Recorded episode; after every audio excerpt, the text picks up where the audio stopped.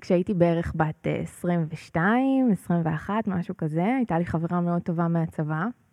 אה, הייתי הולכת לישון אצלה הרבה במרכז, גרתי באמירים, היא גרה בפתח תקווה, וזה היה כזה בשבילי, הנה אני אשת העולם הגדול. אה, פתח תקווה, כן? מהמירים, זה מאוד רחוק. מהמירים, זה מאוד רחוק. אה, והייתי תמיד מגיעה אליה, היינו כזה אוכלות ארוחת ערב ויוצאות עם חברות. ויצאנו לרמת החייל, כאילו, אתה מבין כמה זה... איזה גיל? 21. אוקיי. אמ, ואז יצאנו, שתינו, הלכנו לאכול וזה וזה, חזרנו הביתה. הלכנו לישון, בערך בארבע וחצי הבוקר אני קמה, אני מרגישה שאני הולכת להקיא. עכשיו, אני לא בבית שלי, אני לא בבית, כאילו, בסדר, אני מרגישה שם בנוח, אבל אני לא יודעת.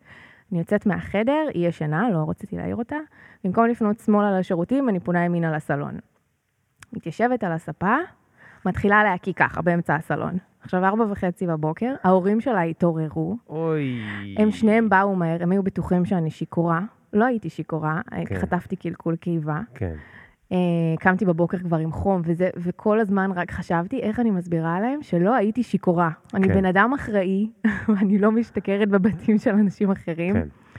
אה, או לפחות אה, מ- מגיעה בשירותים של אנשים אחרים. נכון, זה, זה, זה כבר היה יותר טוב אם זה היה קורה. למה הכית בסלון? כאילו לא לא הספקת יודעת. להגיע לשירותים? תקשיב, זה באמת, זה שתי כניסות, יכול להיות אחת שהיית ליד קצת השנייה. שטויה? לא הייתי, לא, לא.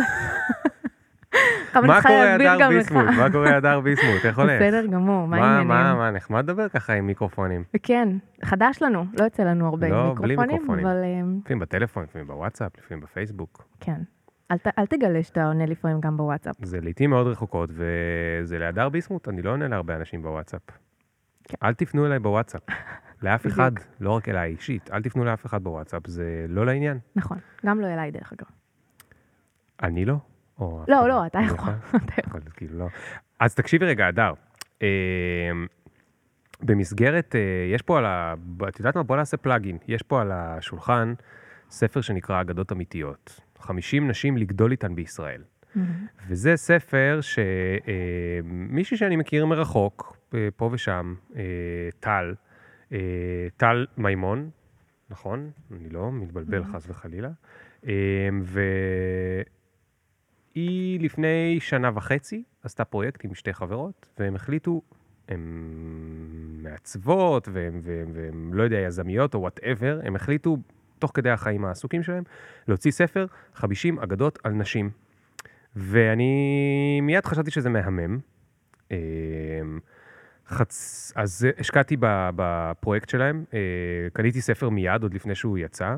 אה, זה המימון המונים כזה? כן, מימון אוקיי. אדסטארט. וזה היה נראה לי רעיון מדהים, כי כל הגיבורים שלי כילד הם גברים, וכל הנשים הן עלובות, או שהן שוטפות בית, ואז כאילו מישהו מביא להם נעל עם עקב, וכאילו הולך להם טוב, או שהם כאילו, אוי, אני כזה זה, אני אוכל תפוח בלי לשטוף אותו. אה, כאילו, באמת, למרות שהן נורא יפות, שזה גם חשוב אולי, אבל הן לא גיבורות. וזה שיש ספר שיקראו לו אגדות אמיתיות, ויהיו בו 50 נשים, והן גם ישראליות, והן כולם כאלה, כל מיני, יש פה אה, חברת כנסת, שולמית אלוני, ויש פה יזמית, ויש פה כותבת, ויש פה מעצבת, ויש פה זה, ויש פה אפילו את אלטשולר, שהיא מהדור שלנו, וזה, ודי מגניב. ממש. אז מיד שמתי כסף. לימים החלטתי שאני רוצה להיות אבא, ואז ימים ספורים אחרי זה אה, גיליתי שתהיה לי בקרוב בת. ואני מאוד מאוד מתרגש שתהיה לי אה, בת, כי יש לי איזשהו, אה, איזושהי תקווה קטנה, שבמסגרת אה, ענייני העולם החדש, אחד הדברים שקשורים לעולם החדש, זה שיהיו בו עוד הרבה נשים מובילות. וגם הבת שלי תוכל להיות אה, אולי אישה אה, עם אה, ראש מורם, ולא לחשוב שרק אה, גברים יודעים לעשות דברים. וזה ממש נחמד. ממש. אה, וזה מגניב, כי הפרק הקודם היה עם מאלי, שגם את מכירה טוב וגם אני מכיר טוב, והיא עושה איזה 14 דברים שונים. והיא אה, מן הסתם אישה. ואז אה, אה, הזמנתי אותך, בעצם למעשה רוב הפרקים שלי זה נשים שעושות מלא דברים מהממים, וגם הזמנתי אותך כי גם את עושה 14 דברים אה, מהממים, שקשורים אה, אה, אה, לדברים שאני מאוד מאוד אוהב, אז כיף שאת פה. תודה. זו הייתה הקדמה ארוכה. כן. אני לא יודע אם, אם פואנטה, אבל אני מאוד ממליץ על, על הספר הזה, אגדות אמיתיות. ואני גם ממליץ עלייך, הדר. תודה. אז הדר, אה, יש לי הרבה מה להגיד על מה שאמרת אז עכשיו. תגידי את זה. אמ, בקצרה, ממש, אני פשוט חושבת שהעניין הזה של ההובלה של נשים, זה, טוב, אנחנו מדברים פה על קהילות וכאלה, ואנחנו ניכנס לזה עוד מעט, אבל זה מתחיל להיתפס כמקצוע שהוא מאוד נשי בשוק. אה, להוביל קהילות, באופן עקרוני. להוביל קהילות, אמ, ויש לזה חסרונות. יש לזה חסרונות בתוך השוק, בתוך התעשייה, ומרגישים אותם, אבל, אבל זה, זה עוד חלק מהתהליך הזה, מהשינוי שאנחנו רוצות לעשות בחוץ. ואת חושבת שהשינוי הזה קורה, או שזה רק בבועה הקטנה שאני ממציא לעצמי?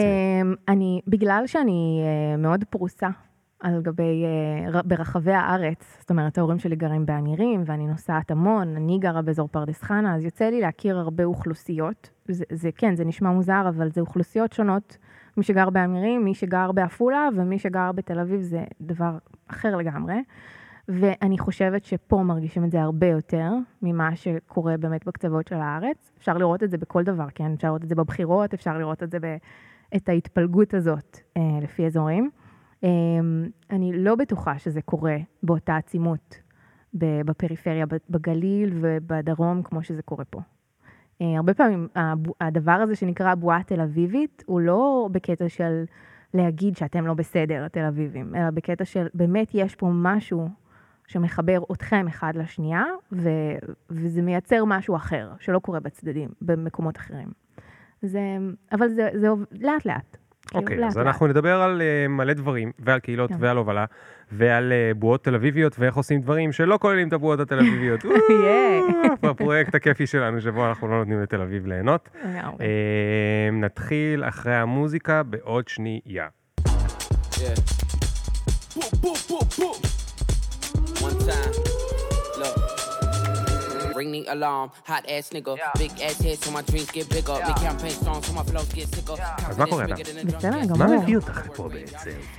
אה, אתה, ליאור. נכון, אבל, אבל, אבל חוץ מהצחוקים והכיף שלנו, תגידי, כן. מה, מה הקטע הזה? כאילו, את במקצוע שלך, כאילו במה שנחשב עבודה, ובמה שכאילו לא נחשב עבודה, אבל בטח שהוא סוג של עבודה, בכל הפעילויות החברתיות שלך והיזמיות שלך, את כל כולך נמצאת בדבר הזה שנקרא קהילות, והוא כאילו מאוד מאוד חדש, סימן שאלה? אה, סימן שאלה אה, לגמרי, חזק, ברור. אה, זה משהו שהיה פה כבר, זה מאז ומעולם, כן? אני לפני שעברתי לגור בתלמי אלעזר, שזה איפה שאני עובדת בו עכשיו, איפה שאני גרה בו עכשיו, אה, גרתי בקיבוץ, וקיבוץ זה סופר קהילה, אז, והם פה כבר מקום המדינה, ואפילו לפני, אז זה לא משהו חדש, אבל יש איזושהי uh, טרנספורמציה ממה שקורה בחיים האמיתיים, פנים אל פנים, לבין מה שקורה בדיגיטל וכל החיבורים של זה. איך מגיעים, האינטרנט נתן לנו את היכולת להגיע לכל בן אדם די בקלות, ו, ופתאום כשזה קורה, אז הקהילות שלנו הופכות להיות הרבה יותר משמעותיות, חזקות, לא תלויות בהכרח במיקום גיאוגרפי, הן הופכות להיות חזקות יותר. Um, אבל, אבל זה הגיע למצב שבו אשכרה אנשים מתפרנסים מזה? אז כן, זו שאלה שהרבה אנשים שואלים אותי, אם אני באמת מצליחה להתפרנס מזה. אה, ואני אומרת שכן, אני מצליחה. שזה, גם אותי לפעמים זה מפתיע, אני כאילו לפעמים שואלת את עצמי, רגע, זה לא בסדר שאני מתפרנסת מזה, אני לא יודעת מה, זה, זה כאילו, זה חריג. אה, אבל זו דרך מאוד ארוכה, זה לא שהתחלתי מזה, וזה לא שהייתה לי הרבה הכנה לקראת היציאה לעצמאות, ולהפוך להיות יזמת, ולהבין איך בונים דברים, וזה זה לוקח זמן. אה, אבל אפשר. אז איך, אוקיי, איך התחיל הרומן שלך עם זה? כאילו, מה עשית בגלגול הקודם? אה, אני בכלל למדתי אה, פסיכותרפיה גופנית, שזה Hmm. כאילו מקצוע ברפואה משלימה. לא ידעתי, או ידעתי ושכחתי. לא, כנראה לא ידעת, זה לא משהו שאני כאילו מספרת תדיר ככה ביום-יום שלי. אה, ושם למדתי לעבוד עם אנשים ומאוד כאילו להבין מה מניע אותם, שם היה גם הרבה את האלמנט של הגוף. רגע, כאילו. מה זה פסיכותרפיה? זה פסיכותרפיה גופנית, אני חייבת לשים את זה פה, כי, כי זה לא פסיכותרפיה רגילה שאתה לומד אה, כתואר שני באוניברסיטה. אה, זה נחשב לרפואה משלימה, והמטרה של זה זה בעצם להבין שה... אה, לחבר אנשים בין הגוף לנפש שלהם. זאת אומרת, לדעת שזה לא שמה שעכשיו תספר לי, זה לא באמת הכל. יש דברים שהגוף שלך יגיד לי, שאתה לא Mm. תגיד במילים. ולמדנו כל מיני דרכים להוציא את האקסטרה הזה דרך הגוף. אז למדתי כל מיני כלים שקשורים לעבודה? גופנית. אה, ברגע זה? כן. אני אתן לך את התרגיל הכי פשוט והכי קל שיש, שכולם משתמשים בו, זה גם בתנועות נוער וכאלה, פשוט במובן אחר, כאילו, במשמעות שונה. נגיד אתה עומד אה, מול בן אדם, אז אתה יודע מה הגבול שהוא יכול לעמוד מולך. אתה מרגיש, מה כאילו... הכוונה? כמה גבול אני- חדירה כן, לפרטיות? כמה, כמה הוא יכול להתקרב אליך. יש אנשים שזה יותר, יש אנשים שזה פחות, וזה יכולים להיות אנשים שהם ממש ברמת היכרות אה, אותו דבר. כאילו, הם מכירים אותך אותו דבר, זה לא משנה, אחד תרגיש יותר בנוח שהוא יתקרב, ואחד לא. אני ארגיש יותר בנוח או שהוא ירגיש בנוח להתקרב גם אליי? וגם, זה, אוקיי. זה דואלי, כאילו, זה לא משהו שנגמר בצד אחד. אמ, והעבודה הזאת, נגיד, כשאתה מגיע לתוך קליניקה ואתה עובד עם מטופל, אז זה, זה הרבה יותר חזק, כי הקליניקה מדמה את החיים בחוץ. והיא מביאה את כל מה שקורה בחוץ לתוך מערכת היחסים שלי עם המטופל-מטופלת. ואז אני יכולה לעבוד על הדברים האלה, להבין אה, האם באופן כללי אני שומרת מרחק, האם אני באופן כללי מתקרבת ממש, כן. אה, כמה אני חודרת לפרטיות, האם אני שמה לב שאני חודרת לפרטיות, איך אני מגיבה כשאני זזה אחורה, ואני אומרת, פה זה לא נעים לי כבר. Hmm. אה, וזה משהו מאוד קטן, זה תרגיל הכי, כאילו בשיעור הראשון כבר מראים לנו אותו, כדי רק כדי שנבין איך אבל זה יותר מדבר. חשוב לדעת את זה בתור המטפל או בתור המטופל? איפה הגבולות שלי? אה, זה חשוב לשני הצדדים.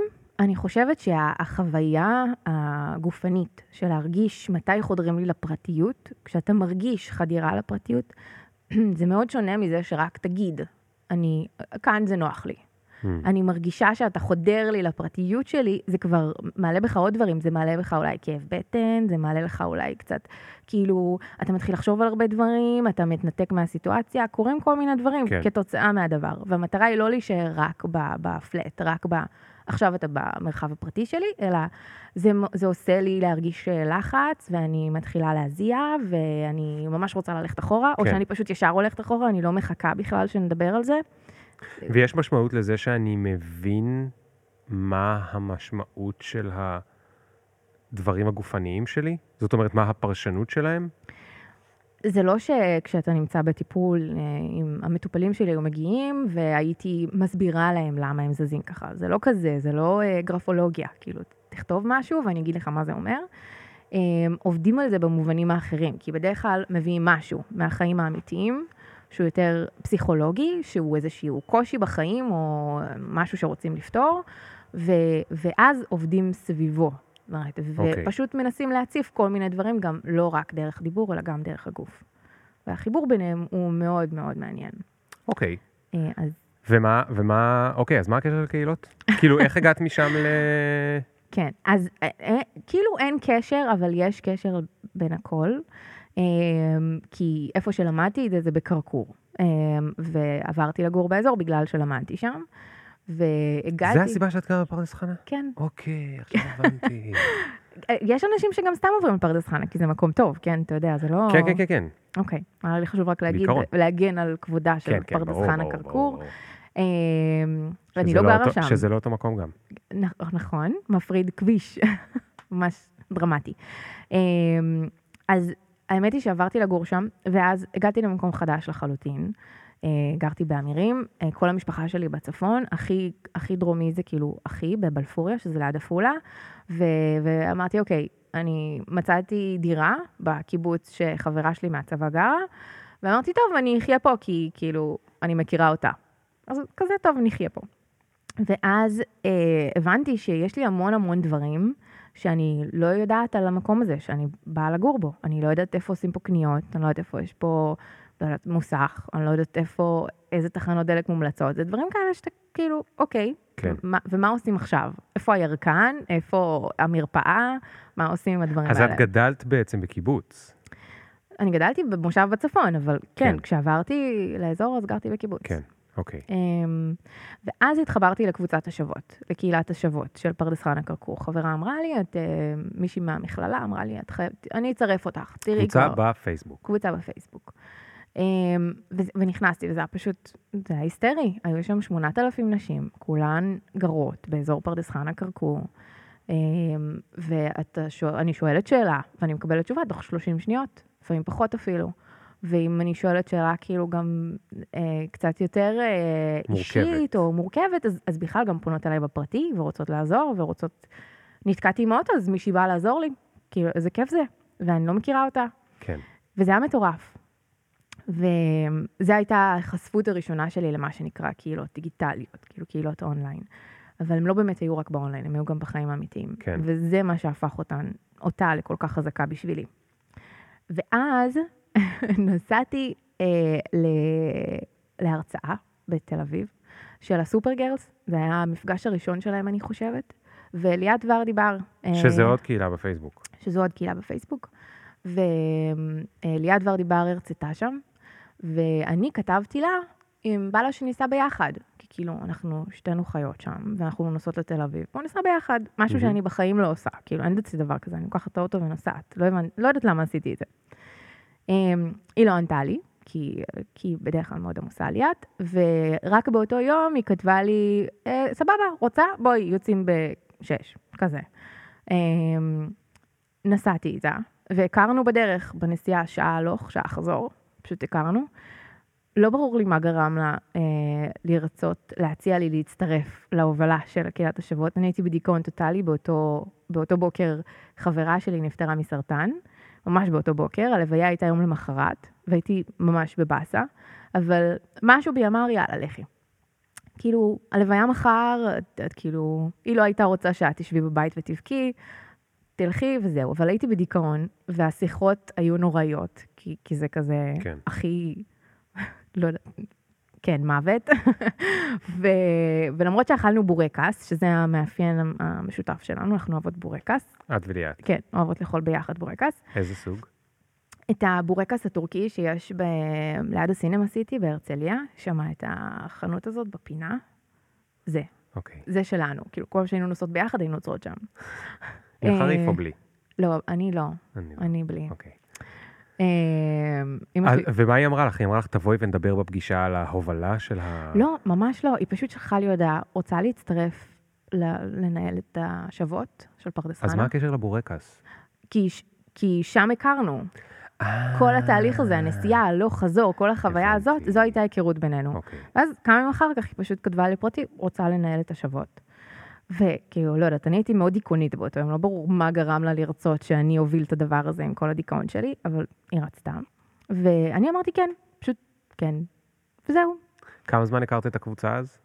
הייתי שם כבר, אני חושבת, שנתיים.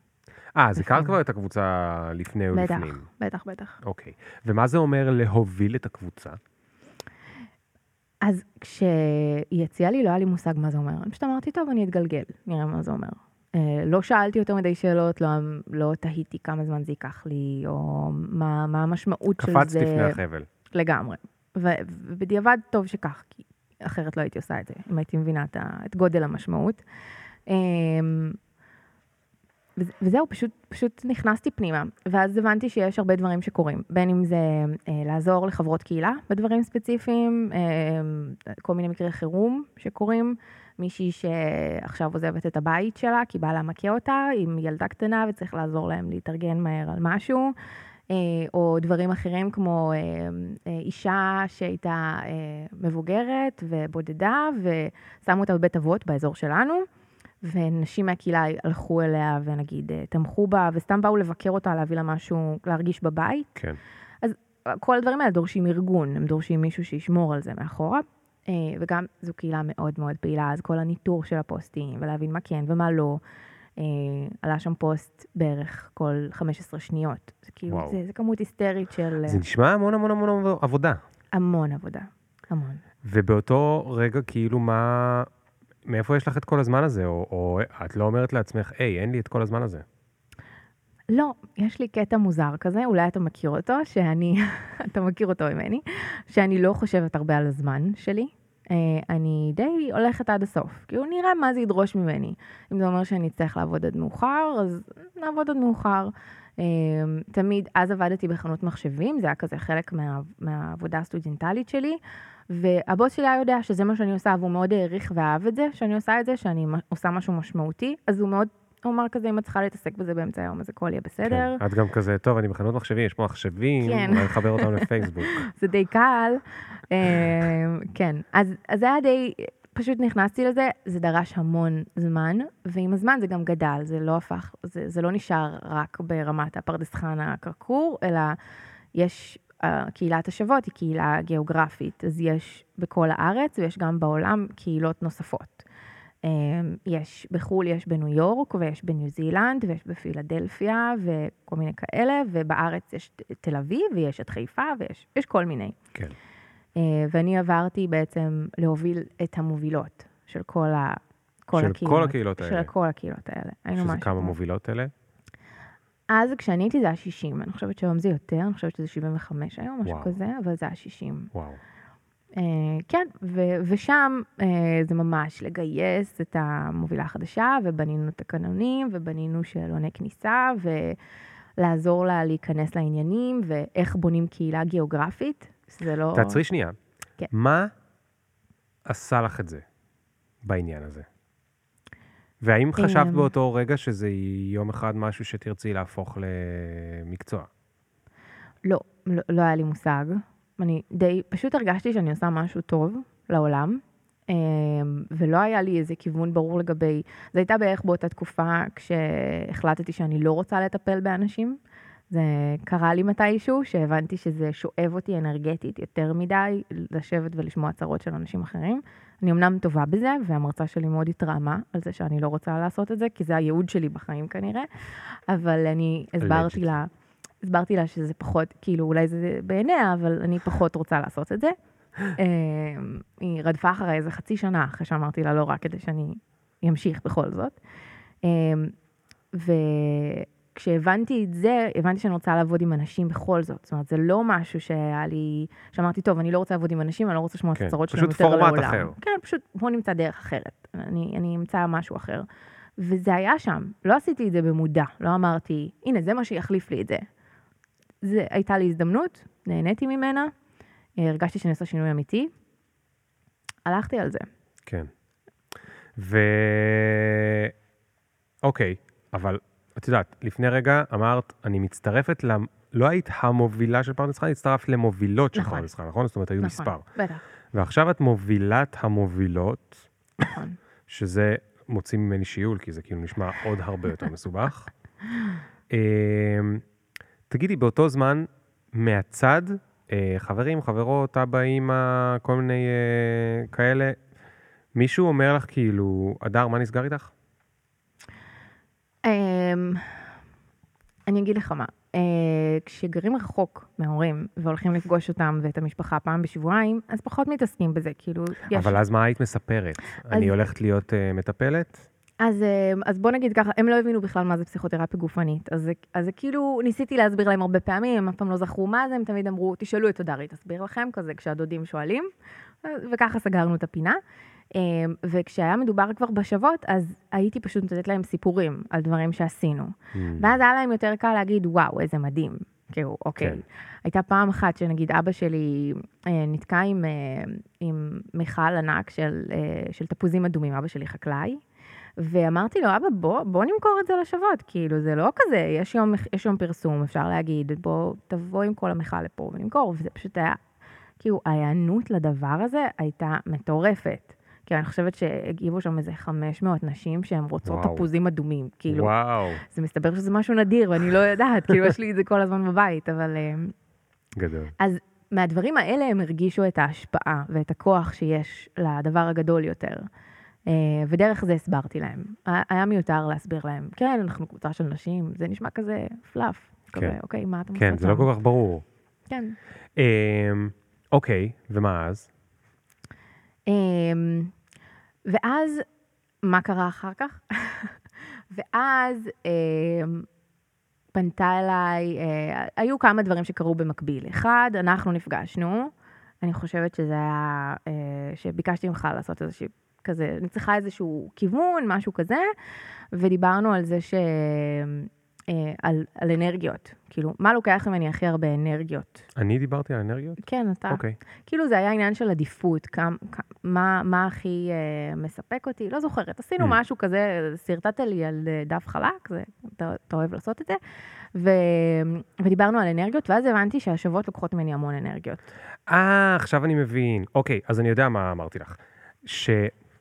שלפעמים מתבלבלים בחל... בין חלוקת זמן לחלוקת אנרגיות, וזה שמשהו לוקח נגיד רק שעתיים ביום, יכול להיות שהוא לוקח 90% מהאנרגיות ביום. נכון, בדיוק.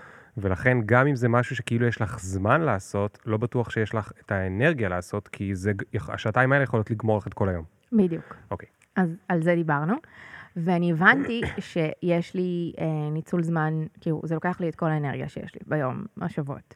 אה, היו, פתאום מצאתי את עצמי שוב באותה הספה של המטפלת, שמגיעות אליי פניות קשות של נשים שעוזבות את הבית, ש- שכאילו, כל מיני דברים ממש קשים שצריך לטפל עכשיו, היום. פתאום הפכתי להיות יועצת סוציאלית, ולא רציתי להיות כזאת. אמרתי, טוב, יצאתי משם, למה אני, למה, איך זה קרה שאני כן. שוב עושה את אותו הדבר?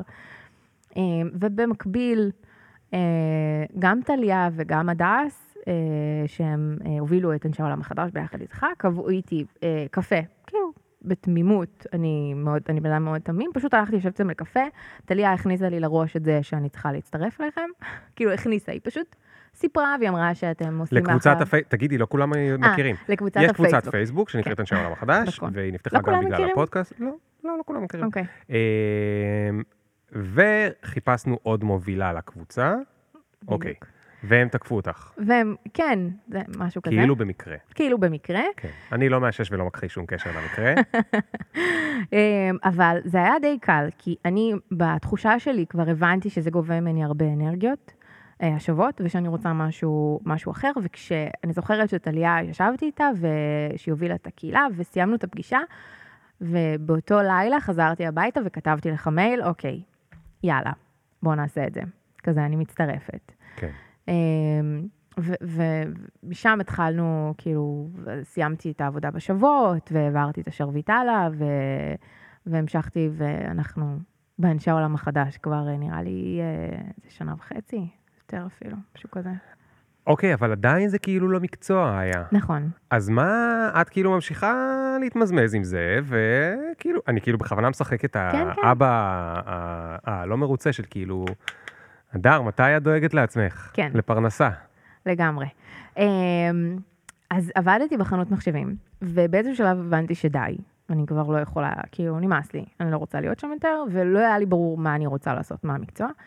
ואז אה, אותה ליאת ורדי בר, שהיינו חברות מאוד מאוד טובות, אנחנו עדיין, אה, היא אמרה לי, היא, היא כזה אמרה, שידרה אותי עם מישהי, והיא אמרה לי, יש מצב שהם צריכים קהילה. כאילו, לכי תראי אם את, אולי זו תהיה העבודה הבאה שלך.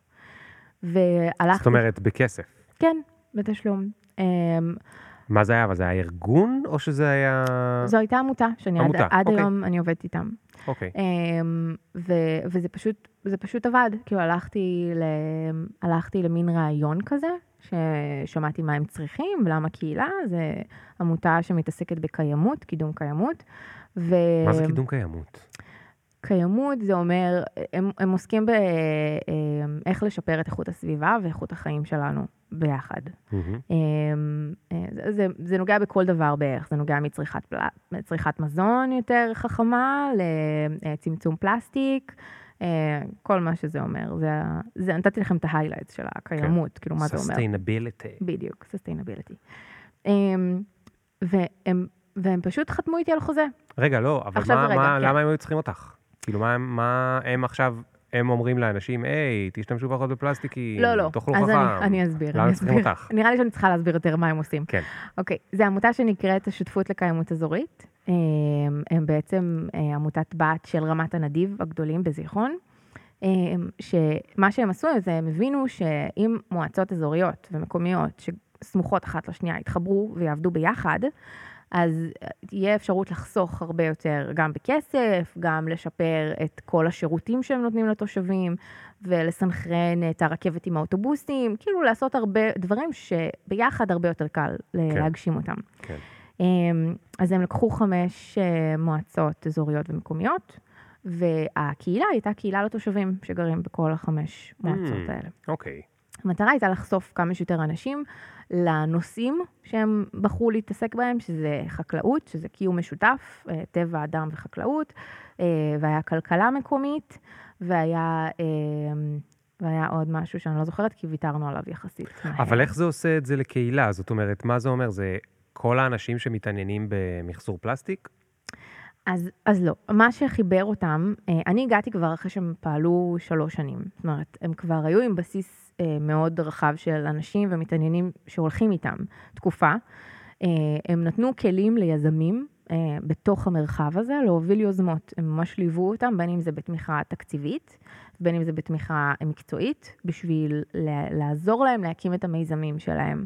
אז נגיד יש מיזם ש... של צמחי בר, אוקיי? של פרחי בר למיניהם. זה מישהי שממש עוזרת להצמיח צמחים שלא זקוקים להרבה השקיה. כדי לחסוך בהשקיה, Mm. והיא, והיא עוברת נגיד בבנימינה ושמה את זה בכל מיני מקומות מתים. מגניב. וזה חוסך, זה חוסך מים, וזה גם מעודד את הקהילה לצאת ולשתול, וזה גם, יש לזה הרבה כן, הדים. גם יש יותר צמחים? וגם יש יותר צמחים, ויפה, וכל מה כן. שאתה אומר.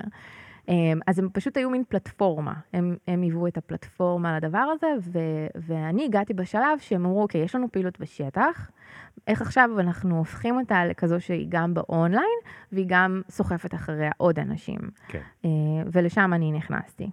אה, והקטע הוא שאיך, כן, זה כאילו שלב אחד לפני, כשהחלטתי שאני לא רוצה לעבוד יותר במחשבים, אה, שזה אולי יותר אה, כזה בצד, אבל מאוד משמעותי, בניתי לעצמי אתר, שבעצם הקורות חיים שלי היו בתוך האתר הזה.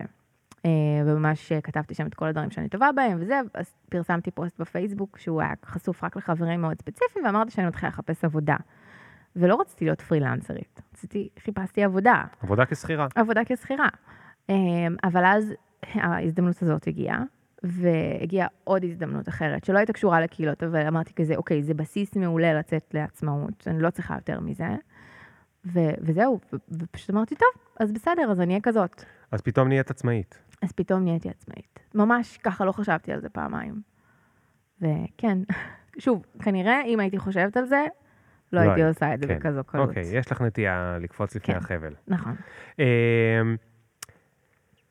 והתחלת לעבוד איתם, ו- ו- והרגשת שזה כבר כאילו מקצוע? אמ, א', כן, מהרגע תראי, כי, הראשון. כי, כי, כי קורה פה משהו שהוא לא קורה הרבה. זה לא שהתחלת לעבוד איתם והפסקת לעשות את הדברים האחרים, כי את עדיין פעילה באנשי העולם החדש, ו- Mhm. ו- ויש לך עוד קהילות של קהילות, או whatever that means. אמ, זה כאילו את ממשיכה לעשות את ה... פתאום העבודה שלך כשכירה, אבל את גם ממשיכה לעשות אותה כפעילות התנדבותית שהיא מעבר לשעות העבודה, או שהיא לפעמים בשעות העבודה, whatever. מהמם. וזה כאילו נורא מבלבל, לא? נכון. לקח לי זמן עד שהצלחתי לווסת את הזמנים ולהגיד, אה, אוקיי, כאן, כאן אני אה, עושה את העבודה שלי כ, אה, כפרילנסרית לאותו, לאותה עמותה, וכאן אני עושה את זה, את הדברים ההתנדבותיים שלי. המזל הוא שכשאתה עצמאי, אתה שולט מאוד במזל וה... מזל, וההפך ממזל, כי, כן. כי איך את יודעת שזה לא משתלט לך על זה? נכון. Um, קשה, בזמן, בהתחלה ממש לקח לי הרבה זמן להבין מה הגבולות. עם הזמן זה משתפר. אז תני לי את חושבת ש- הטיפ הכי טוב שלך על זה.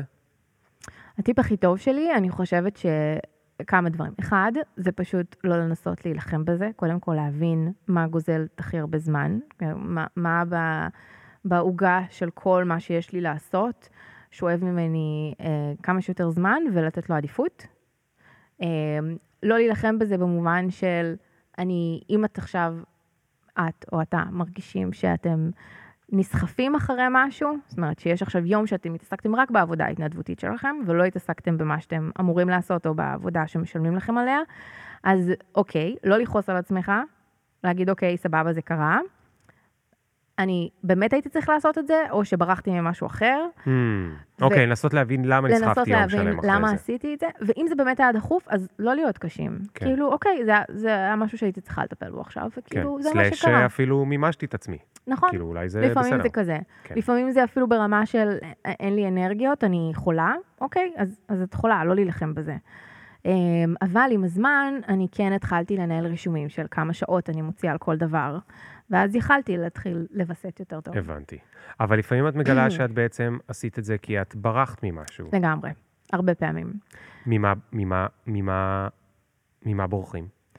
בורחים מעבודות שהן בשוליים, שהן כאילו לא כיפיות.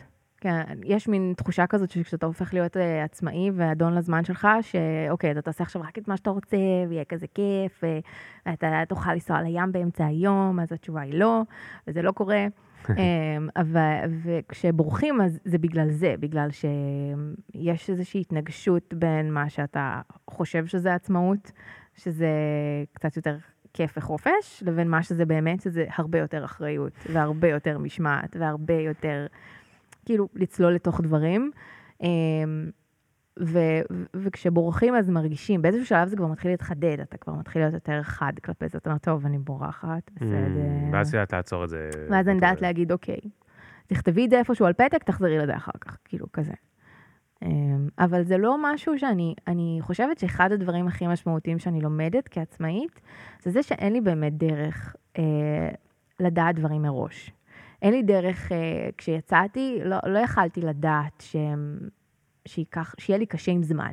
כן. שיהיה לי קשה, אין לי דרך לדעת. כאילו מדברים על זה בחוץ, ואנשים אומרים שזה קשה, אבל אני כזה, אה, בקטנה, מה זה זמן, אני טובה מאוד בניהול זמן. ואז ואז צריך להתעסק במשהו שאתה לא אוהב, והבוס שלך לא יושב לך על הראש, אז אתה, פח, אתה פשוט לא עושה אותו. כן. אמ, אז יש הרבה גילוי שהוא לאורך הדרך, והבשלה. הבשלה של, אוקיי, אני מבינה שצריך לעשות פה משהו אחר.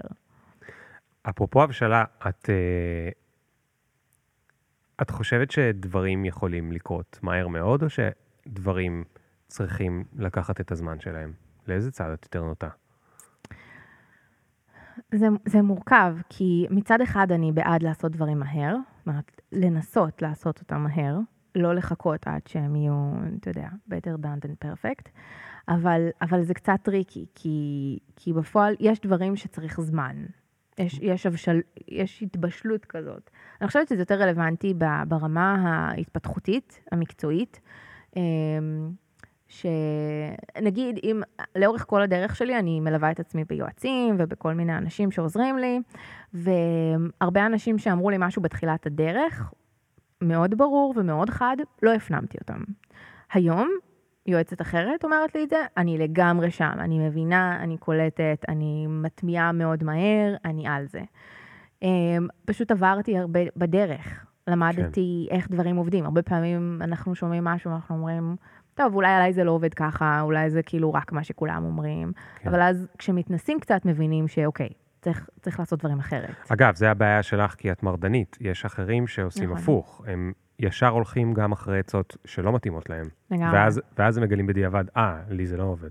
נכון, נכון, זה, זה גם, זה בעיה אמיתית, זה, זה תוקע בדרך, אבל לשני הכיוונים, גם כשאני מרדנית זה תוקע, וגם כשאני הולכת עם כולם, זה שני הצדדים. אבל את עדיין לוקחת יועצים, ובכלל, אני רוצה לשאול אותך, כאילו, אמרת את זה רגע בצחוק לפני שהתחלנו, היי, זה לא שאני בסוף הסולם שלי, אני ממש נכון. עכשיו בונה אותו, ואני אמרתי לך איזה כיף, זה האנשים שאני הכי אוהב לראיין, אני לא אוהב אנשים שהם כאילו סיימו את הסולם שלהם, אני אוהב אנשים שהם באמצע של הסולם, לא משנה באיזה שלב.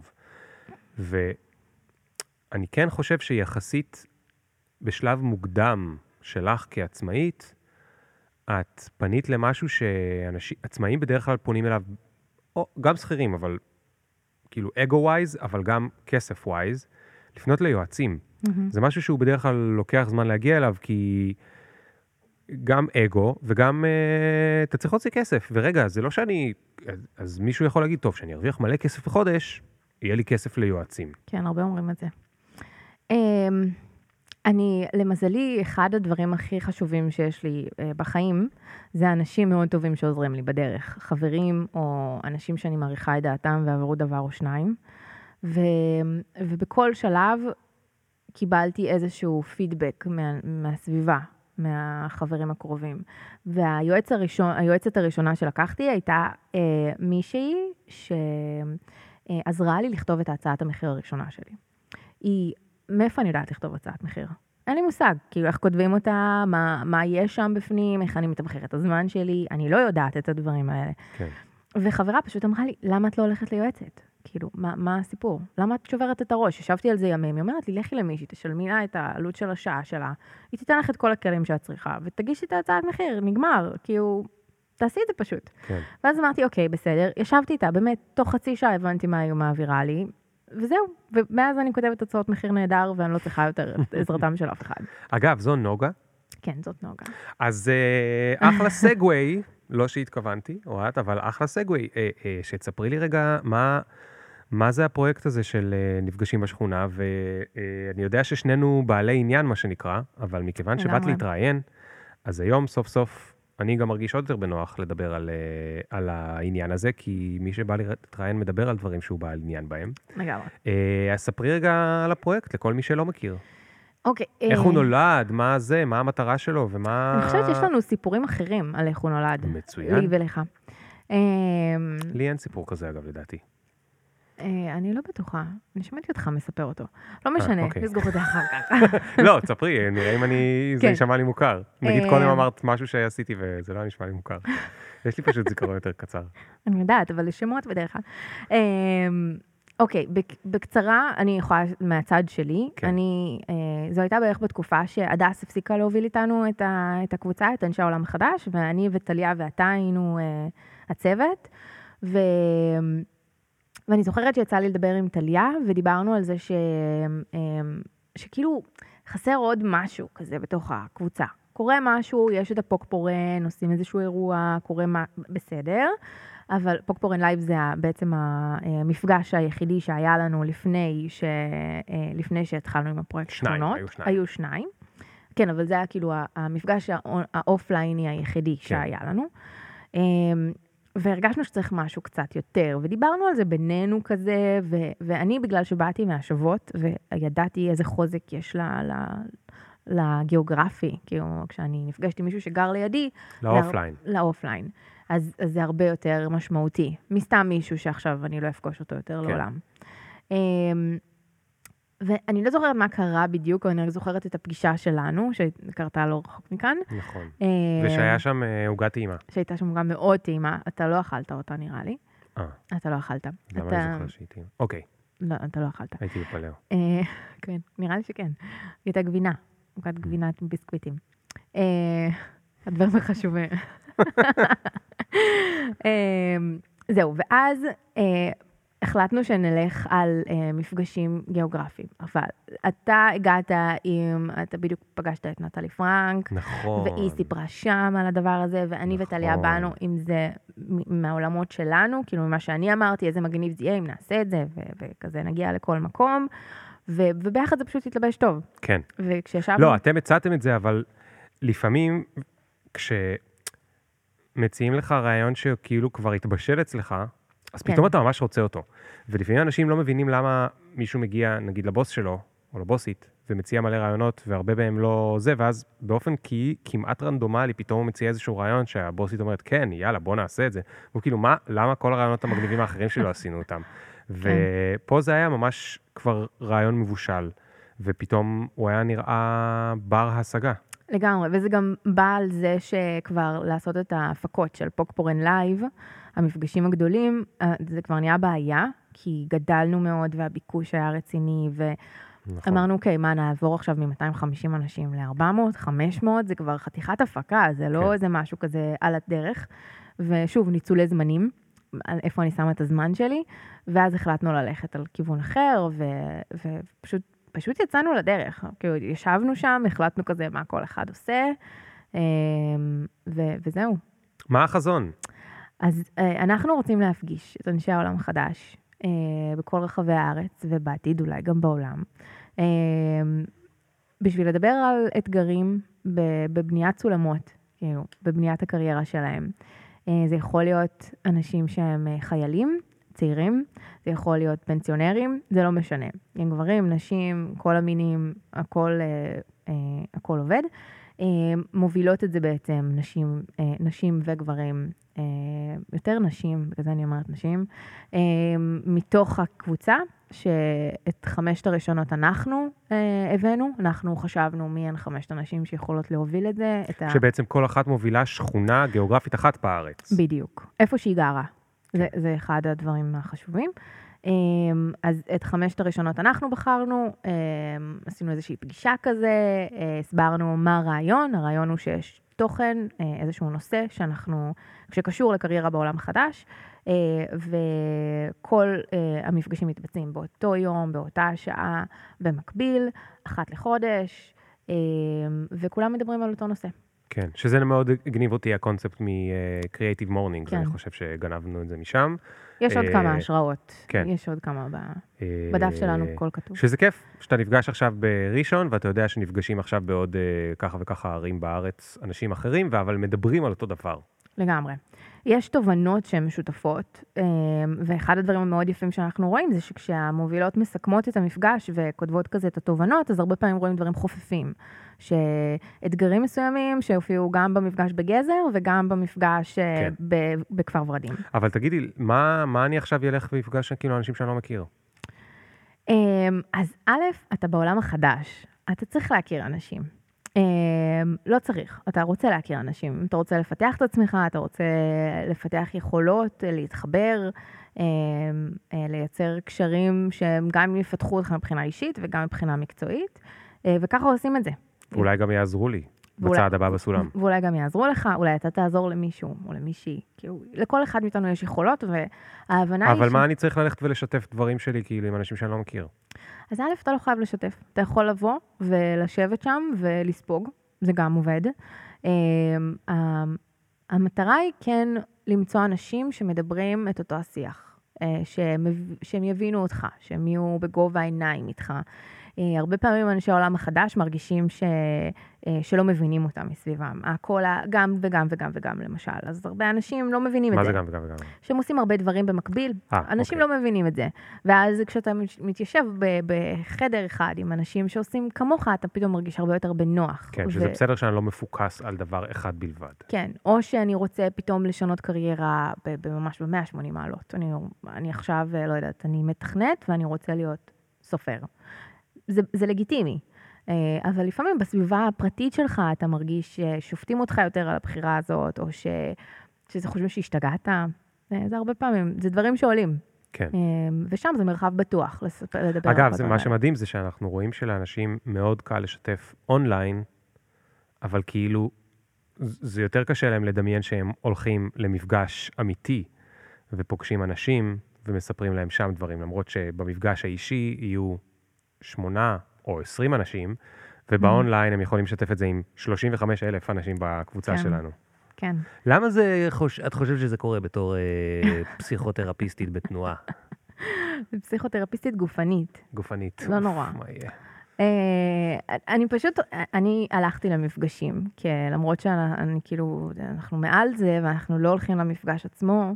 לא אנחנו- מעל זה, זה לא נשמע מעל לא זה. טוב. זה כאילו אנחנו מובילים את ההתארגנות של הדבר הזה. כן, אנחנו לא מארגנים את המפגשים, אנחנו נכון, מארגנים את. המתארגנים שם. כן, כן. אבל אני כן הולכת למפגשים, הייתי בפרדס חנה והייתי ביהוד, ורציתי לראות את הדינמיקה של מה, מה קורה שם, ואני גם אמשיך להגיע לעוד מפגשים.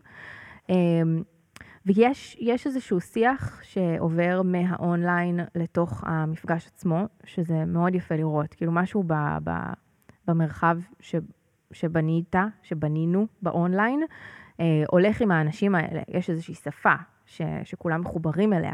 ואז כשנפגשים פנים על פנים זה יותר קל, כי כולם Mm. יודעים מה החוקים, מה, איך, על מה מדברים, אמ, ו, וזה יוצר חיבורים הרבה יותר מהירים מאשר לפגוש סתם בן אדם חדש עכשיו ברחוב.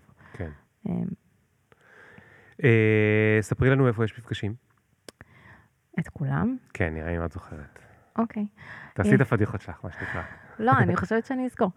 יש uh, כפר ורדים, יש חיפה, יש uh, פרדס חנה כרכור, יש תל מונד, יש נתניה, יש הרצליה, יש ירושלים, יש אשדוד, יש רמת גן.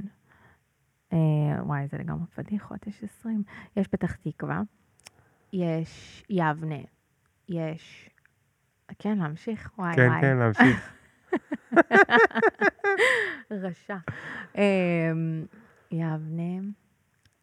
אני, אני עוברת לפי מי שמובילה, כן? כן. יש את אה, הוד השרון. אמ, יש, אה, יש את צפון תל אביב, כי מבחינתי זה כבר חלק מזה. זה, זה לא נחשב תל אביב. זה ספוילר. אה, אה, זה לא, גם לא נחשב תל אביב. טוב, בסדר, אל תהיה מתנשא. אמ, יש את צפון תל אביב, יש, וואי, אני לא זוכרת. בדרום? בדרום. משהו עוד? בדרום יש בבאר שבע. וקצת מאז? אה, אמ, לא, אמרת את אה, גזר? גזר, אמרתי, לא, אני לא זוכרת. אמרת? אז יש אה, יש. את גזר, יש הרבה. שזה כבר פרק שני כן. שבו אנחנו אומרים, אנחנו מרימים לגזר, תבואו לגמרי. למפגש בגזר, גזר זה יש מדהים. מקום כזה, לגמרי. יש מקום כזה. יש מקום, ככה אומרים, זה עוד מקום, לא הייתי. זה נשמע מספר ילדים, אבל כן. זה אמיתי, יש לגמרי. מועצה אזורית בשם גזר. רק תכתוב על זה ספר. לא צריך, כי זה מ- זה אגדה, קיים. אגדה, ואני עד שמלי לא תזמין אותי הביתה, אני לא יודע שזה היה. לגמרי. אה, מי זה האנשים האלה שמובילים את הדבר הזה? האנשים שמובילים את זה, אה, אז כמו שאמרתי מקודם, חמשת הראשונות הם כאלה שאנחנו גייסנו, זאת אומרת שאנחנו פנינו אליהם עם הרעיון וכאילו הדלקנו אותם על זה, אה, והחליטו לקפוץ איתנו למים. אה, היתר הצטרפו אלינו בהמשך, אחרי המפגש הראשון, כן, לא, לא בהמשך, הר- הרבה אחרי. מילאו את הטופס, יש לנו טופס כזה של אנשים שרוצים להיות מובילים. ו... שהם בעצם בסוף מארגנים את המפגש ומובילים אותו, וגם קצת אחראים על הקהילה המקומית שלהם, נכון? כן, אבל שוב, זה בעיקר המפגש עצמו. זה כן. לדאוג למקום, לדאוג אה, שאתה מבין את הנושא, ולהבין כזה, להחליט איזה סוג של פעילות אתה עושה סביב הדבר, כן, אישורי הגעה, וזהו. כן. אמ, והאנשים האלה, משהו שמאוד מעניין, שכשאני בדקתי זה שראיתי שמי שהגיש, שרצה להוביל מפגשים, 70% מהאנשים שהגישו הם בכלל לא אנשים שהיו פעילים בקבוצה, ב online. ב online, כן, מעניין. אה, זאת אומרת שזה אנשים שהיו בצללים, הם כולם מדברים את אותה שפה כמונו, והם מבינים את, ה, את המהות של, ה, של כל הפרויקט הזה, אבל הם לא היו פעילים באונליין, הם לא הגיבו, הם אפילו, חלקם אפילו לייק אחד לא עשו מעולם. Hmm, מעניין. אה, וזה ממש, ממש מרתק לראות את זה, כאילו, כמה דברים זה מגלה לי על קהילות ועל כל ה... אתה יודע, כל כן. הזמן אומרים על הצופים השקטים, שהם כזה, איך גורמים להם להיות פעילים? אז הם פעילים. כן, הנה, הם שם, כן. רק לתת להם הזדמנות. תגידי, כן. אה, את נשמעת כל כך passionate, איך אומרים את זה בעברית? כאילו, מלאת תשוקה. מלאת תשוקה. כן, עזוב, passionate. passionate. כן, תגיד נגיד את זה. במבטא מצחיק, כי זה מפגר להגיד באנגלית דברים. נשמעת מאוד passionate about אה, כל הסיפור הזה של ניהול קהילות. אז ג'ולט, אתה כל הזמן מדבר באנגלית, אתה שם לב לזה? כן. רציתי לדבר איתך על זה. אמ, אז עכשיו, לאחרונה, אה, החלטתי לקחת את זה בעצם צעד אחד קדימה. ואני רוצה להבין, בתור ה... שוב, בתור דמות האב המודאג, מבלי להיות פטרוני, מה את הולכת לעשות עם זה? מה את הולכת לעשות עם זה? כי אני יכול להגיד לך בתור נציג מהעולם החדש, תודה רבה על כל העבודה שלך, זה לוקח המון זמן. בתור אה, נציג אה, מפגשי השכונות, זה בכלל לא פרויקט שלי, את מובילה אותו בעצמך, אה, כמעט הכל שם. כמובן שיש עוד הרבה אנשים שעוזרים ועוזרים, אבל את עושה את זה זה. יופי, אוקיי, מה, כאילו מה, what's going to happen? כאילו, מתי את הולכת לעשות אותם הדברים לגופים מסחריים? אוקיי, אז אמ, כחלק מה, מההתפתחות ומההרפתקה הזאת של להיות עצמאית, אז יש כמה דברים שאני רוצה להגיד לגבי זה. אחד, אני מנסה לשנות את הטרמינולוגיה שלי, שזה כאילו בסוגריים כזה, ולא לקרוא לזה עצמאית, אלא לקרוא לזה יזמת. אמ, וגם לא יזמית, כי יזמית מרגיש לי מוקטן כזה עם היזמית, כזה, ו- ויזמת זה יזמת. כאילו, יזמת. אז, אה, אז משהו בטרמינולוגיה שלי משתנה. יש איזושהי התפתחות ב, ב, בכמה אני מרגישה שאני מוכנה לתפוס את המקום הזה של יזמת שבונה מקצוע חדש, שבונה מודלים ומתודולוגיות אחרות שלא קיימות עדיין. אה, חלק קיימות, אפשר כזה לאסוף מכל מיני מקומות, אבל אין משהו מסודר. אה, אז אחד הדברים ש...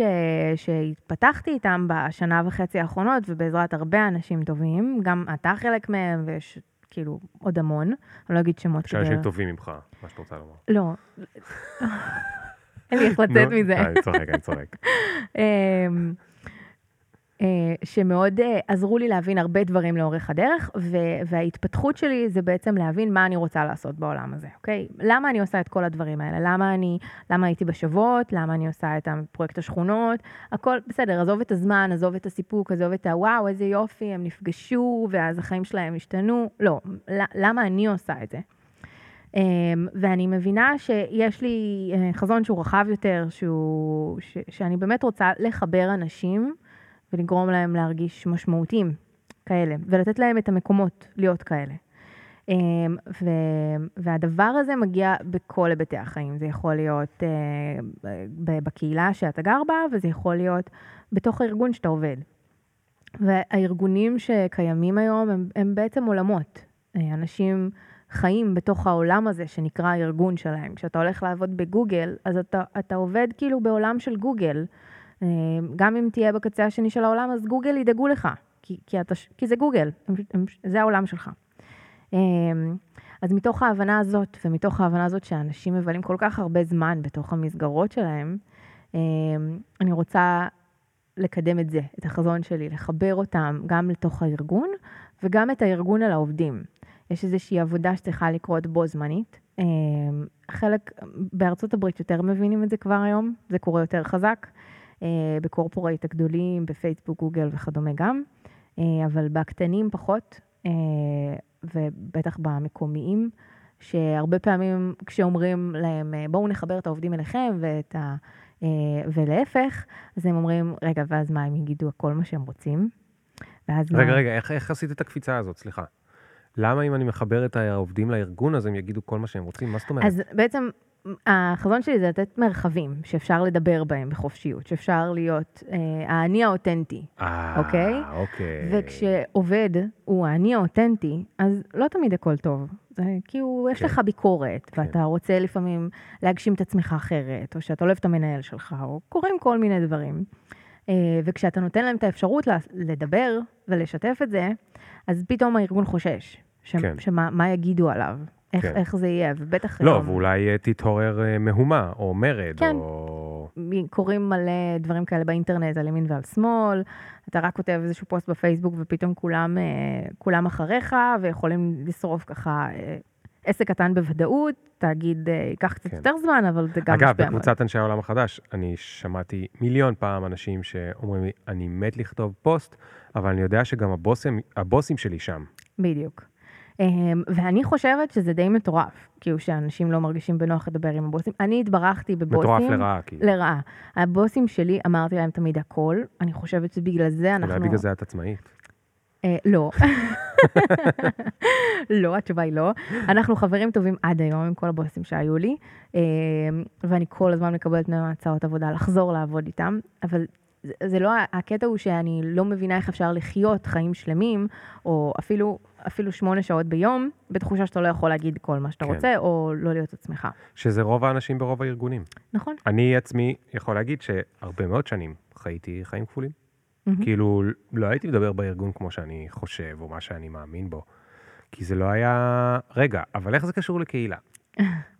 אז אה, מה שאני רוצה לעשות, אה, ואני גם מתחילה לעשות, זה לחבר אה, עובדים אחד לשני, כאילו את העובדים אחד לשני, כן, אחד לשנייה, זה מה שחיפשתי, אה, ולארגון עצמו וגם את הצוות של ההנהלה, וכל דבר כזה הוא קהילה. מה זה לארגון עצמו? מי הוא הארגון? זה, זה, זה רצפה ותקרה?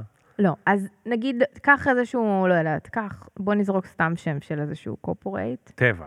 טבע, סבבה. אז יש להם אה, כנראה רופאים, ויש להם שם חוקרים, ויש להם עובדי ייצור, ויש, וכל אחד מהם מתפקד ב, ב, בפאזה אחרת. כן. רוב האנשים לא מכירים אחד את השנייה, הם לא נכון. יודעים... הם יש גם... להם בטח פעם בשנה, איזה כנס כן. משהו וזה, וקצת כאילו מכירים, נחמד. אבל לא יותר מי. הנה, וקיבלת איזשהו אלון בזה, במייל, ואתה יודע פחות או יותר מה קורה מבחינה כלכלית, האם העסק מצליח או כושל.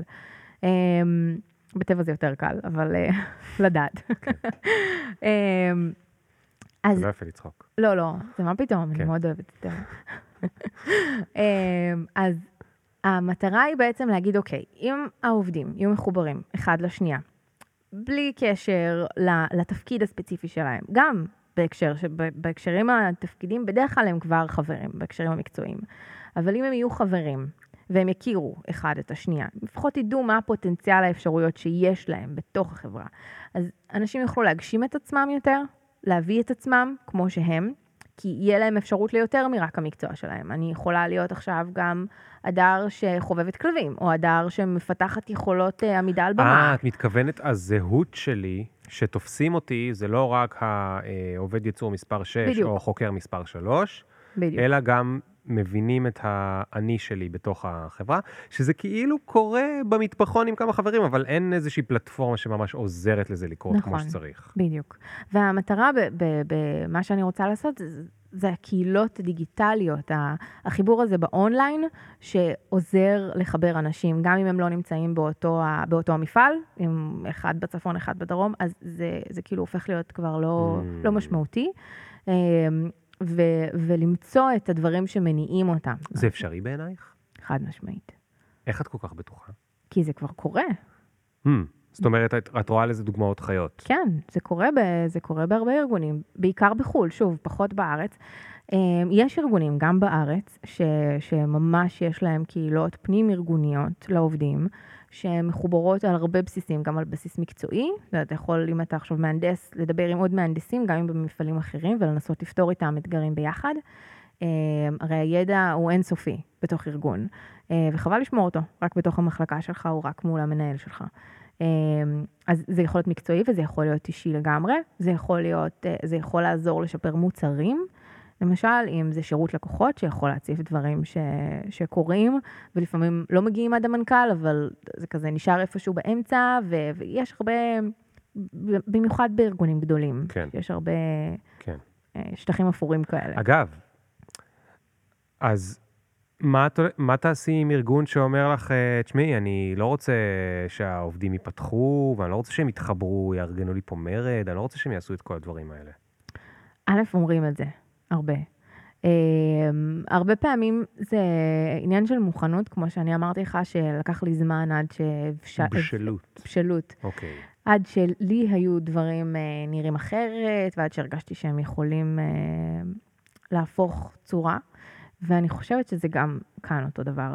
מאחורי כל דבר כזה, כל תהליך כזה חייב להיות uh, מנכ"ל או מייסד או יזם, שהוא מאוד מבין את הצורך, והוא יודע למה זה משמעותי לו, והוא יודע איך זה ישפר לו בסוף. לא רק את, ה, את התחושה של העובדים, אלא גם את התוצאות של הגיוס שלו, של עובדים חדשים, או את השימור שלהם לאורך זמן, או אה, את מידת המחוברות שלהם, או כמה הם, הכל, את השירות לקוחות, את המוצר עצמו. רק אם מי שבראש הפירמידה אה, מבין את זה, אה, זה יכול לעבוד. כן. אה, ו- והרבה פעמים גם מרגישים את זה שכשיצא לי לעבוד עם ארגון, שאתה כאילו מרגיש שהמנכ"ל, וואו, הוא מוביל. אנשים הולכים אחריו. זה כאילו בכלל לא... בא- כל מה שהוא יגיד, הם שואלים שאלות והם מדברים, והוא נותן להם את האפשרות להיפתח, אבל הוא סוחף אחריו. ו- וככה עושים את השינוי הזה, עם אנשים עם חזון, שבאו לעשות הרבה יותר מ- מהשורת רווח כן. הסופית. כן, זה מתבטא גם שם, אבל זה מעבר. ואז בסוף, יש הרי, אנחנו, אתה יודע, דיברנו בדוגמה של השוות, הסברת, שבכל מיקום כזה היו אחראיות, ואת היית אחראית בפרדס חנה כרכור. ונתנו בדוגמה של קהילת אנשי העולם החדש, ואנחנו נתנו דוגמה בשכונה, זאת אומרת, אנחנו למדנו שבהובלת קהילות, זה לא שיש מישהו אחד שמוביל את הקהילה, יש תמיד צוות. אז. עכשיו בתוך ארגון, המנכ"ל, קודם כל הוא מאוד עסוק, מהמם. וב' הוא המנכ"ל. כאילו, זה גם בעיה אם הוא המוביל של הקהילה, כי כאילו... הוא לא מוביל את הקהילה, אוקיי, אז מי הוא מוביל את מוביל- הקהילה שם? הוא מוביל את החזון. אז עכשיו, מי מוביל את הקהילה שם? אנשים, תמיד זה יהיה מבפנים. זה לא משהו שאפשר לקחת אליו פרילנס, כמו עמוד פייסבוק, שמישהו ינהל לך את זה מבחוץ. זה חייב להיות מבפנים, וזה מגיע בכל מיני מחלקות, זה יכול להיות תקשורת פנים-ארגונית, זה יכול להיות לפעמים marketing, לפעמים זה מגיע מהמשאבי אנוש, כל פעם זה משהו אחר, מאוד תלוי בארגון. יש כאלה שממש יש להם מחלקות כבר לזה, כאילו, ל- לתקשורת הפנים-ארגונית, אבל לקהילה. כאילו, Mm. זה משהו בפנים, מעטים מאוד בארץ. זה חייב לבוא מבפנים. הכוונה היא, כשאני אומרת שה, שהמנכ"ל או המייסד הוא בתוך הדבר הזה, זה אומר שהוא, שזה החזון שלו. שזה משהו שעובר לכל עובד. כל כן. עובד שנכנס לשם יודע למה הוא בא לעבוד שם. כן. הוא יודע מה המטרה שלהם. ו- וכשזה מחלחל ככה, ולא רק כי זאת ממשאבי אנוש מגיעה, ואז המנכ"ל אומר משהו אחר, או אי אפשר באמת להציף לו כל דבר, אז כן. מתחילים להיות הרבה... אז תגידי משהו, אם להיות המעצבן, כן. אה, אוקיי, אז נגיד ארגון אה, בא ואומר, אה, אה, וואי, הבנתי, אדר, זה נורא חשוב שתהיה קהילה וזה, אה, טוב, אז תודה, אדר, ביי, אנחנו נסתדר לבד, אנחנו הולכים, פותחים קבוצת פייסבוק. כאילו, isn't it all what it takes? No. זה גם היה שאלה גם באנגלית וגם באנגלית לא נכונה? זה כל מה שצריך? כאילו, מה, אנחנו נפתח לא. קבוצת פייסבוק ותהיה לנו קהילה? לא? לא, ממש לא. אה, לא. א', אני בארגונים, הרבה פעמים זה לא בפייסבוק, כן? כאילו, כן. אתה יודע, יש אה, ארגונים נגיד שהם ביטחוניים, הם יקימו לעצמם פלטפורמה, או שהם כן. ישתמשו על דברים אחרים. אה, והרבה פעמים אתה צריך מישהו שיסחוף. עכשיו, הרבה, לא תמיד מי שלוקח את התפקיד הזה הוא בן אדם סוחף. אה, אז לפעמים צריך לחבר אותו לעוד מישהו, לפעמים מהעובדים עצמם, שהוא כן סוחף את העובדים. צריך לעשות הרבה מיקסים בתוך, ה, בתוך התפקיד הזה, וכן לבנות צוות, ולמצוא את האנשים שהכי מובילים. זה בעצם השגרירים של, ה, כן. של הארגון. אז רגע, אז מה את בעצם עושה איתם? אני עושה איתם את התהליך ממש מההתחלה. אני עוזרת להם להבין, א', מה המטרות הארגוניות, אוקיי? כאילו, בואו בוא נתחיל מזה, שום דבר לא יקרה אם בסוף זה לא יתבטא בשורת רווח. ככה זה עובד. אמ, אז זה מתחיל מהמנכ"ל, לשבת איתו ולהבין באמת מה, למה הם עושים, למה הם רוצים לחבר את העובדים. אה, קשה להם לגייס עובדים, קשה להם לגייס עובדים מתחום מסוים, קשה להם אה, לחבר את העובדים לפעילויות, אה, אין engagement, כאילו, מה, מה קורה שם בדיוק בחברה ואיך זה מתבטא בסוף בכסף, כאילו, מה, מה הכאבים שלהם. אחר כך אנחנו מבינים מי הולך להוביל את זה מבפנים, ויוצאים לדרך של, אוקיי, בואו נבין, נכיר את העובדים, נבין מה הם חושבים על הארגון, איך הם תופסים אותו, וכאן זה קטע מאוד קריטי, כי הרבה פעמים אומרים, כן, כן, אנחנו כבר עושים את זה, והמנהלת משאבי אנוש כבר עשתה את זה, אבל, אבל לא, כי הם לא יגידו למנהלת משאבי אנוש את מה שהם יגידו לי, כשהם העובדים. ידעו, העובדים, כן. כשהם ידעו שזה זה לא עובר מבחינה שמית. אתם יכולים להגיד מה שאתם רוצים, אה, ו- וזה מביא תוצאות אחרות. זאת אומרת, את עושה כמו רעיונות אה, אנונימיים. כן, לגמרי. לפעמים גם בקבוצה, כדי לראות קצת אה, מי יותר חזק, מי יותר בולט, אה, לשמוע דעות, להרגיש קצת את הארגון עצמו. אה, ואחר כך אנחנו עושים בעצם את המזהים, את האנשים האלה הקצת יותר מובילים, מחברים אותם גם ממה שמשאבי אנוש יודעים בדרך כלל, כי יש כבר את האלה שהם כוכבים ולא צריך להמציא אותם, והופכים אותם למובילות שכונה שלנו, הופכים, הופכים אותם למובילי אה, מובילי הארגון, השגרירים שלו. ולהם נותנים הרבה כלים, ובונים נרטיב, ו... וכו' וכו' וכו'. כן. אה, אבל בשורה התחתונה זה תמיד יהיה מחובר למטרות של הארגון, זה תמיד יהיה מחובר לשורת רווח. אנחנו רוצים לראות שיש השפעה בין מה שאנחנו עושים לבין מה שהארגון צריך, אה, ולתת כל הזמן זמנים שאפשר להגיד, אוקיי, בואו נעשה רגע בדיקה, כאילו מין זמני אה, monitoring כזה. אוקיי, כן. התקדמנו, לא התקדמנו, לשנות משהו, להזיז משהו, כזה. תגידי, נתקלת בלקוחות חצופים? מה זה לקוחות חצופים? שמדברים לא יפה? או שמזלזלים ב... מזלזלים תמיד יש. זה, זה לא... אוקיי, אמ, אני לא חושבת שהכרתי לקוחות חצופים. יש לקוחות חצופים, אבל אני מסננת אותם די מהר. אה, קולטים אותם? מהר. אה, בין אם זה בשיח, אני תמיד לפני שנפגשת עם בן אדם, אה, רק בשביל לדבר על רעיון, אני מבקשת לדבר איתו בטלפון. א', אני לא מתל אביב, אז זה כבר מין, אה. זה עוזר לי. אני פשוט אומרת, אה, אני לא תל אביבית, בוא נדבר בטלפון רגע לפני. אה, ושומעים בשיח, אני שואלת הרבה שאלות שקשורות ללמה הוא רוצה לעשות קהילה, מה הסיבה, אה, איפה הוא שמע על זה, מה הרעיון שלו, מה הקונספט וכו'.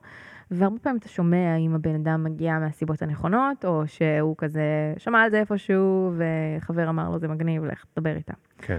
אמ, חצופים חצופים במובן של אה זה, זה בולשיט או כאלה, לא נתקלתי הרבה, אה, ויצא לדבר עם הרבה מנכ"לים בכירים, כולם מבינים את המשמעות של זה, פשוט הטריק הוא לא לדבר איתם על קהילה, לדבר איתם על הדברים שהם מבינים, על מחוברות עובדים, מה שכולם מדברים היום, כאילו לדבר בשפה שלהם, ואז הם לא מרגישים שזה איזה משהו פלצני. כן. הקהילה מגיעה בסוף. אדר, כן. נגמר לי הזמן, מה אני אעשה? מה, באמת? כן, אנחנו מדברים כבר שעה ועשרה. וואו. וואי, יש לי מלא דברים להגיד, ליאור. את רוצה להגיד משהו עוד לפני שאני מסיים את ה... מה יש לך להגיד? משהו ספציפי? כי אני יש חושבת... לי גם מלא דברים לשאול, אבל... אני אגיד לך מה. אה, טוב, זה קצת מוזר, מה, אני, אני הולכת להוביל גם את זה? לא, אני אוהב, אני אוהב, אני אוהב דברים מוזרים.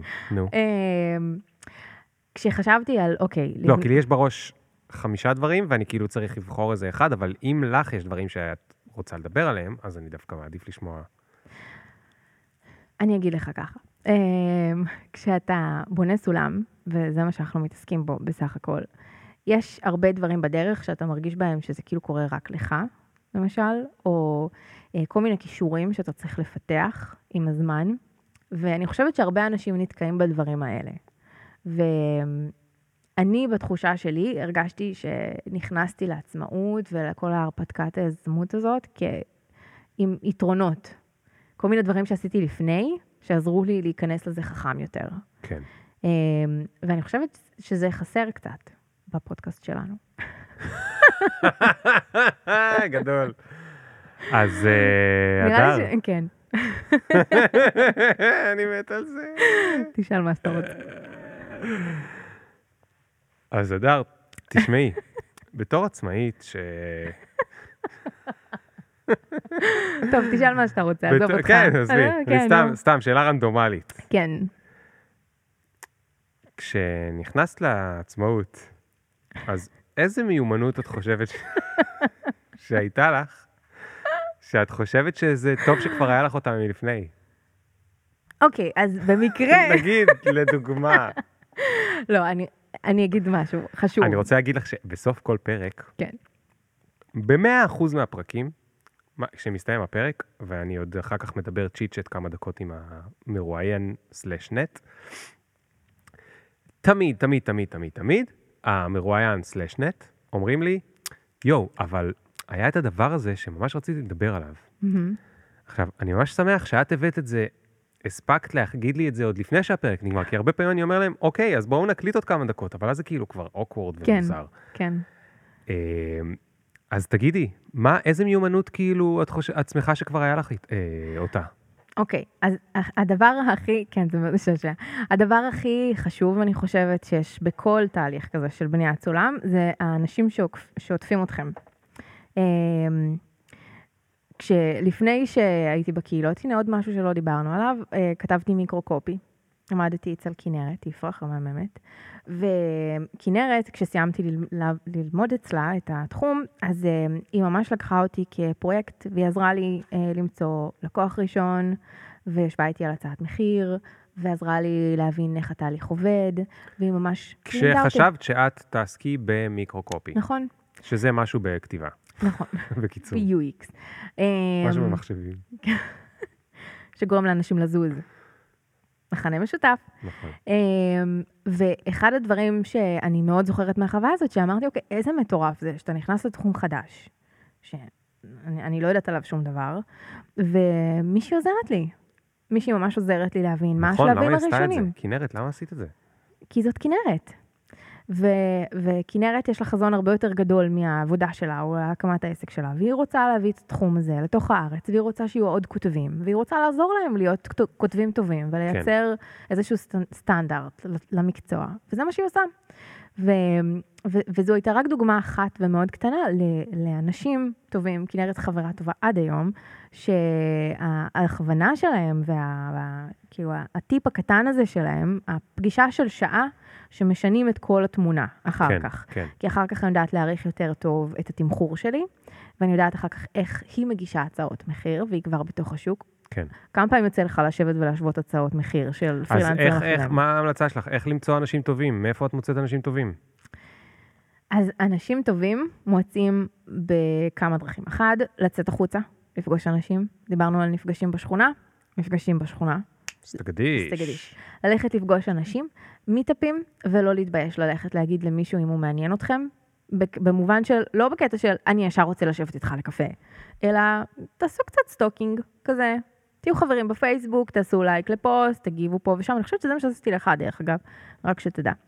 אמ, אבל להיות שם ברקע, ואז כשהשם מפסיק להיות משהו רחוק, או סתם מישהו שפגשתי, אז אני כבר יכולה להגיד לו, תקשיב, חשבתי על זה וזה, יש מצב שנשב לקפה. אדם, אני מרגיש מרומה. למה? אנחנו הכרנו כבר ממה וזה, לא דיברנו על זה, אבל כאילו, אני אה. מכירה אותך כבר משם. כלום. אוקיי. כן. אמ, אז אה, אנשים חשובים באמצע הדרך. מה עוד? נכון. מה עוד עזר לך?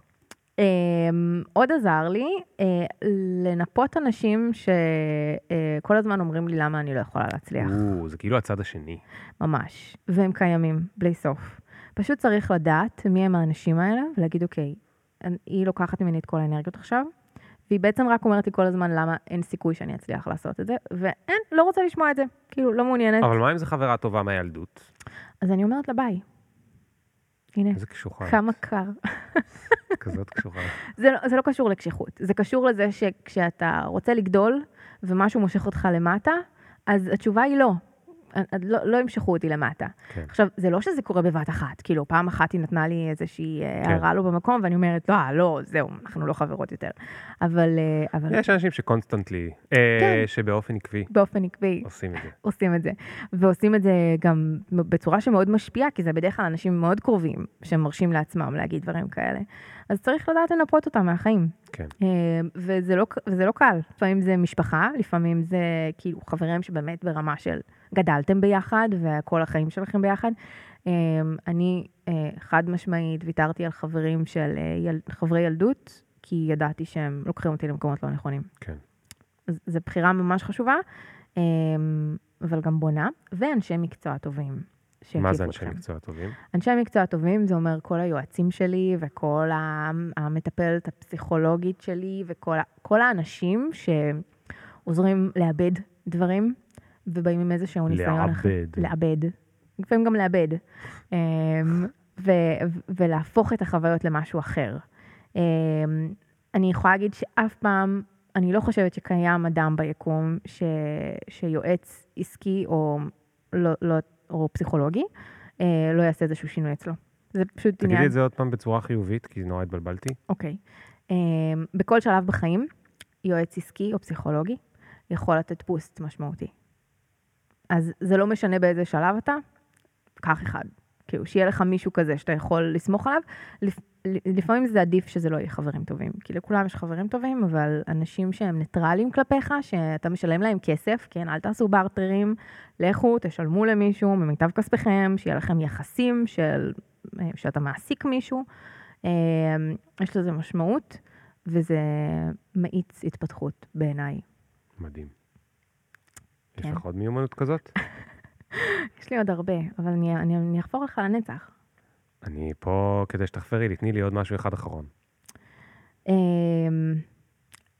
אה, טוב, זה אני קצת סותרת את עצמי, כאילו, את מה שאני באמת עושה, אבל על לזוז מהר. אה, לי היה מאוד קשה עם זה, חוויה אישית שלי, אני מאוד פרפקציוניסטית, אז היה לי קשה לזוז מהר, אה, כי לפעמים זה אומר שאני... חוטאת מה זה אומר בפועל בתור עצמאי לזוז מהר? מה זה אומר? זה אומר ש... או איך זה נראה כשלא זזים מהר? אני אתן לך דוגמה, כן, תן לי דוגמה. כי אני מכיר כל מיני דוגמאות כאלה. כן. החלטתי שאני רוצה לפתוח סטודיו לעיצוב, למיתוג, מהמם. לזה, ועכשיו אני הולכת ואני חושבת חודשיים על השם, שלושה חודשים על הלוגו, ארבעה חודשים על השיתופי פעולה, חמישה חודשים אני מחפשת מקום, עוד שישה חודשים זה, בינתיים אני עובדת או לא עובדת, תלוי אם יש לי פרנסה או יש מישהו, אה, אה, יש לי ירושה. מהמם. אה, ועברה שנה וחצי ועוד לא פתחתי את הסטודיו למיתוג, ובסוף אני נשארת בעבודה שלי וזה כבר נורא מעייף אותי. נכון. ככה זה נראה כשלא זזים מהר. נכון. יש לי חברה שכבר, אני חושבת שהיא ארבע שנים בונה אתר. ארבע שנים בונה אתר. שומעת אותנו? כן, היא בטוח שומעת אותה. אז uh, אנחנו קוראים לך. תעשי פאבליש. זה כאילו, זה ממש, זה ממש קשה.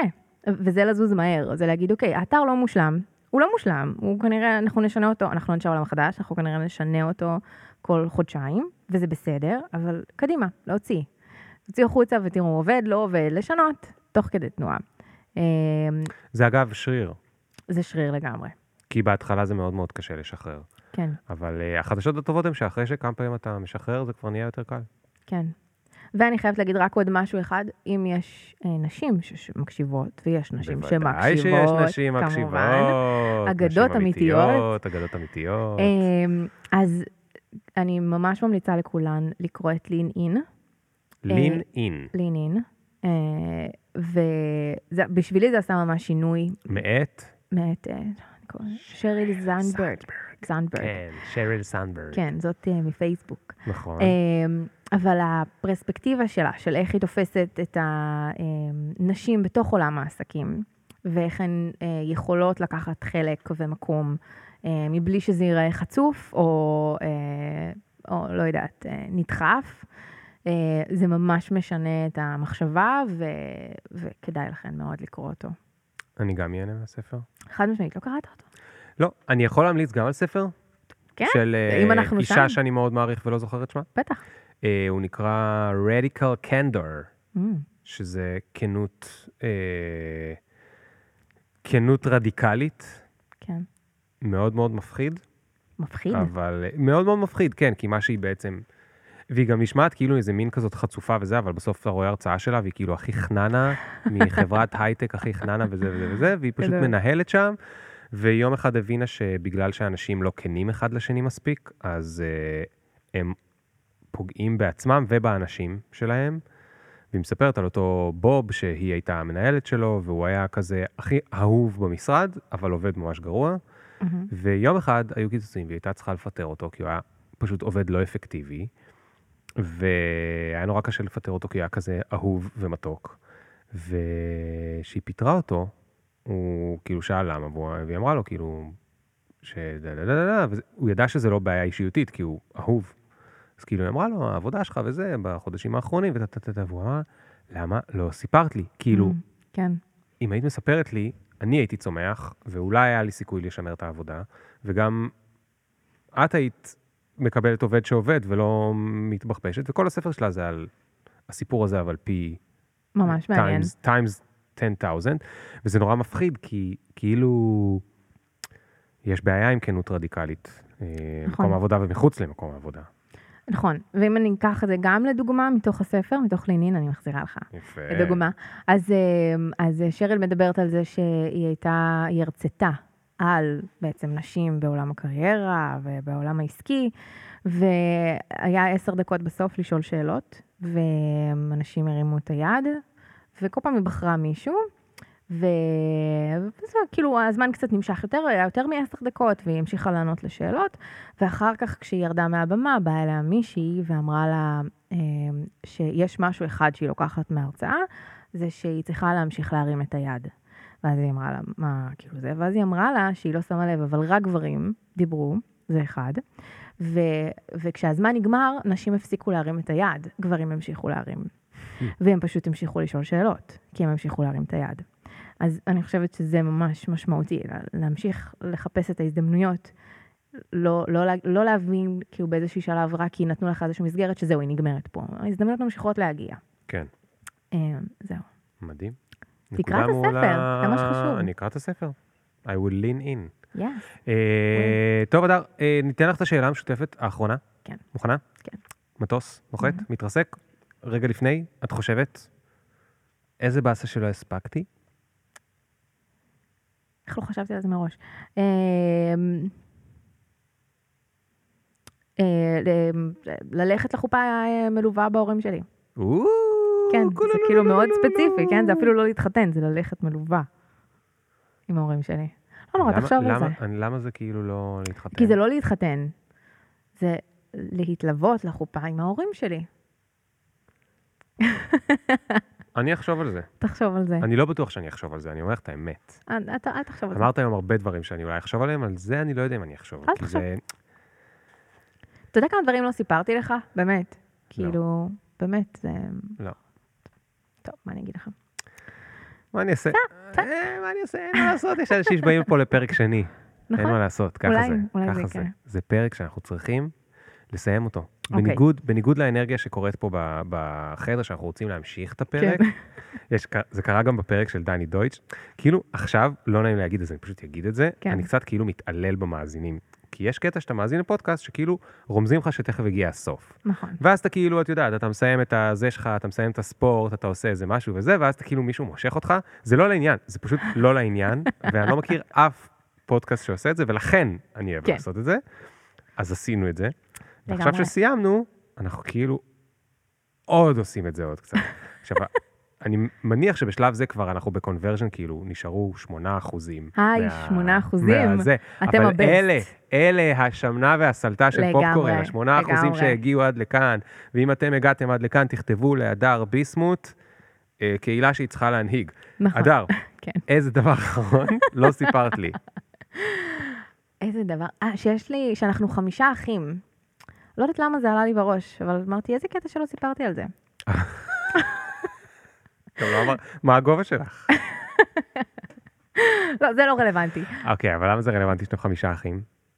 אמ, כי אני חושבת שיש לנו קשר מאוד מיוחד, זה אחד. אה, אנחנו מאוד שונים אחד מהשנייה. אחותי בת 40, אחי בן 21, הקטן. Mm, אנחנו וואו. כאילו ממש מפוזרים. אמ, ואנחנו עדיין, אנחנו חברים מאוד טובים כולנו. אמ, ואני חושבת שזה אחד העוגנים החשובים בחיים שלי, אז היה לי חשוב להגיד את זה. הופה, יפה. הנה. טוב, דש לביסמוטים, אם אתם כן. שומעים אותנו. אה, היי דואל, לירן, שלומי, קרן. יפה. אה, ואנחנו רוצים תפוזים אדומים. תפוזים אדומים זה טעים. אז אנחנו עכשיו באמת ננסה לסיים את כן, הפרק הזה, אוקיי. נראה אם נצליח. אוקיי. אנחנו שמים אותו, שלוש, ארבע, This question, ו- will you even fuck with a nigga like me? Will you want me in about three days? Really? IDC. Cause every time a nigga talk, they KC. The big up picture, fuck your filter. Me can't go run, but me can't repeat. No.